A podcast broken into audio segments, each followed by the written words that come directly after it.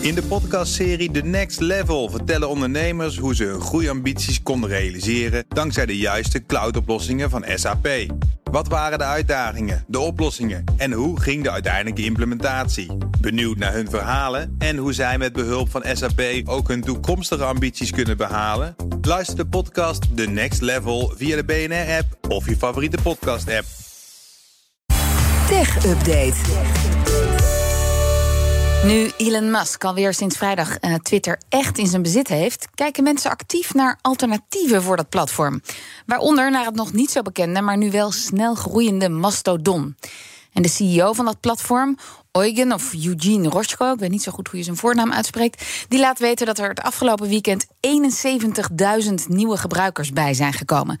Nou, daar ben ik er één van. Ik probeer het uit, net als onze tech-redacteur Joe van Buurik, die nu bij ons aangeschoven is. Hey Joe. Hi, Lisbeth. Ja, jij toet inmiddels ook op Mastodon. Ja, dat klopt. Het is even wennen, eh, want Mastodon werkt met Toets. Na 15 jaar tweets dus. En even voor de goede orde, hè. Twitter heeft volgens eigen cijfers nog altijd 238 miljoen gebruikers.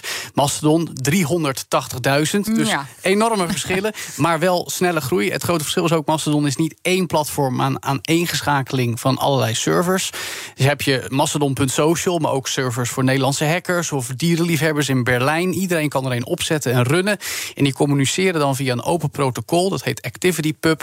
En zo kunnen mensen vanaf allerlei servers elkaar volgen en interacteren. Een beetje eh, Reddit of zoiets. Ja, daar lijkt wel een beetje op. Het is een kruising van allerlei dingen, tenminste zo kun je het beschrijven. Het is om uh, goed samen te vatten een decentraal platform, open source ontwikkeld en aardig om te weten van een Duits bedrijf. Zijn een handjevol medewerkers, vooral freelancers, dat gebruik maakt van geld uit Europa. Ja, want dat wilde ik al vragen. Hoe wordt. Geen advertenties heb ik nog gezien op dat mhm. platform. Hoe wordt het betaald? Nou ja, ik, ik, betaal ook niet als gebruiker. Nee, dat, nou, dat zou wel kunnen, want je kan donaties doen. Maar de, een heleboel wordt opgehaald via subsidies. Onder meer via uh, Stichting NLNet. Die heeft een vrij grote bijdrage geleverd. Dat is een non-profit die zich inzet voor open uitwisseling van gegevens via internet. Doet dat ook via gelden van de Europese Commissie.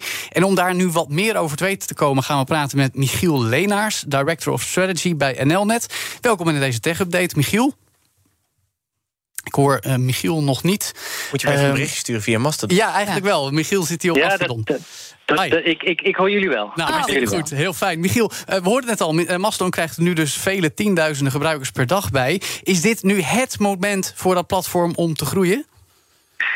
Ik denk dat het uh, een, een, goed moment is. Uh, en ik denk vooral dat het is dat de Twitter-gebruikers nog iets beter om zich heen kijken. Je hebt natuurlijk al een aantal keer een, een exodus gehad van de, de, de, Republikeinen die eerst naar Parler gingen en naar de hand naar Truth Social. En zo zijn er een aantal andere ex exodussen geweest.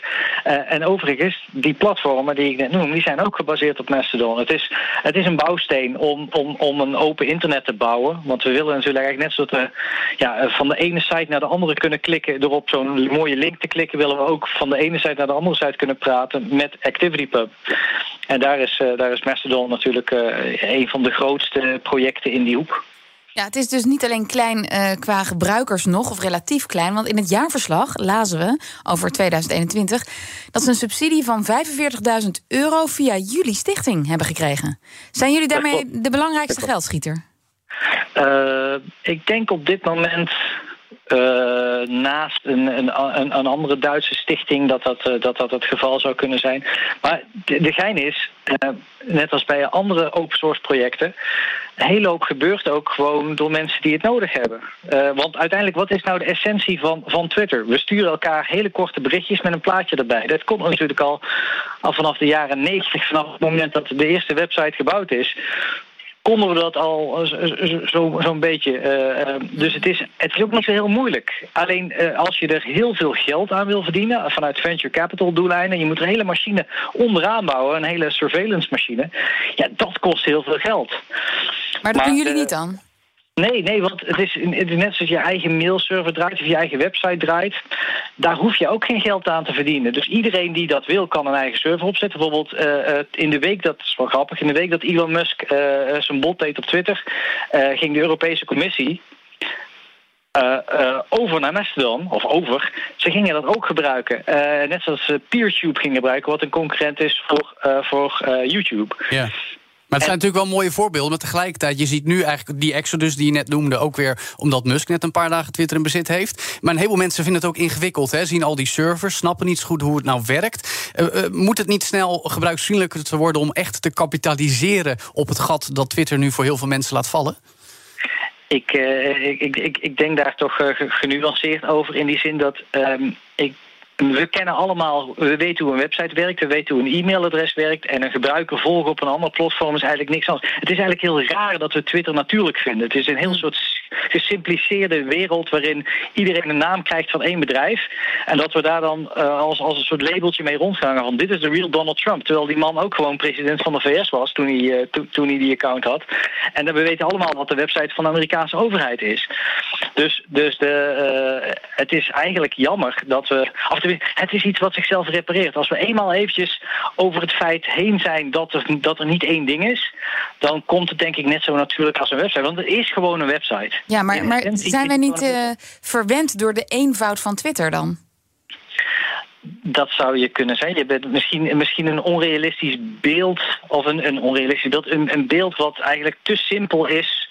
Hm. Uh, want uh, de, we hebben natuurlijk een sterk Amerikaans getint idee van hoe Twitter werkt. Terwijl natuurlijk, uh, waarom zouden Chinezen op die manier op twitter.com... moet je je voorstellen dat dat een Chinese URL was. Ja. Maar dat is wel uw concurrent, hè? En ik heb hem ook proberen te installeren vandaag. Het is me uiteindelijk gelukt, maar ik was er wel heel lang mee bezig. Ik wilde eigenlijk al bijna afhaken. Hoe gaat u het van het simpele Twitter winnen? Want uiteindelijk moeten al die gebruikers het liefst overstappen natuurlijk. Nou ja, er zijn dus eh, veel meer projecten. Je hebt ook GoToSocial, GNU Social. Er zijn nog veel meer projecten. Het is een protocol. En dat protocol uh, is iets, is iets heel, op dezelfde schaal als HTTP. Of uh, iets waar we, waar we eigenlijk onszelf niet uh, net als in de begindagen van Twitter, waren er ook heel veel verschillende interfaces. En uiteindelijk zeg maar, zijn er, er zijn ook nu nog heel veel bedrijven die gaan echt niet naar twitter.com om daar zeg maar, uh, hun, hun, die hebben hele campagne tools eromheen gebouwd. Dus ja. ik denk dat voor de, voor de professionele gebruikers ga je heel veel gespecialiseerde tools krijgen. En die, die zijn ook te maken. Daar mogen mensen ook gewoon uh, alles aan sleutelen wat ze willen. En dat heeft dus een heel snel evolutionair voordeel ten opzichte van wat één bedrijf leuk vindt. Of wat de CEO van dat bedrijf leuk vindt. Dus dat laat duizend bloemen bloeien. Ja. mooi motto, mooi motto. Laten we hier nog een keer verder over doorpraten. Want die groei zet vast nog wel even door. Hartelijk dank, Michiel Leenaars, Director of Strategy bij Stichting NLNet.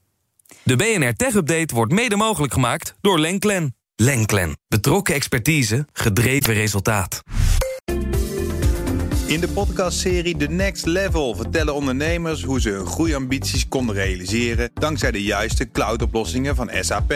Wat waren de uitdagingen, de oplossingen en hoe ging de uiteindelijke implementatie? Benieuwd naar hun verhalen en hoe zij met behulp van SAP ook hun toekomstige ambities kunnen behalen? Luister de podcast The Next Level via de BNR-app of je favoriete podcast-app.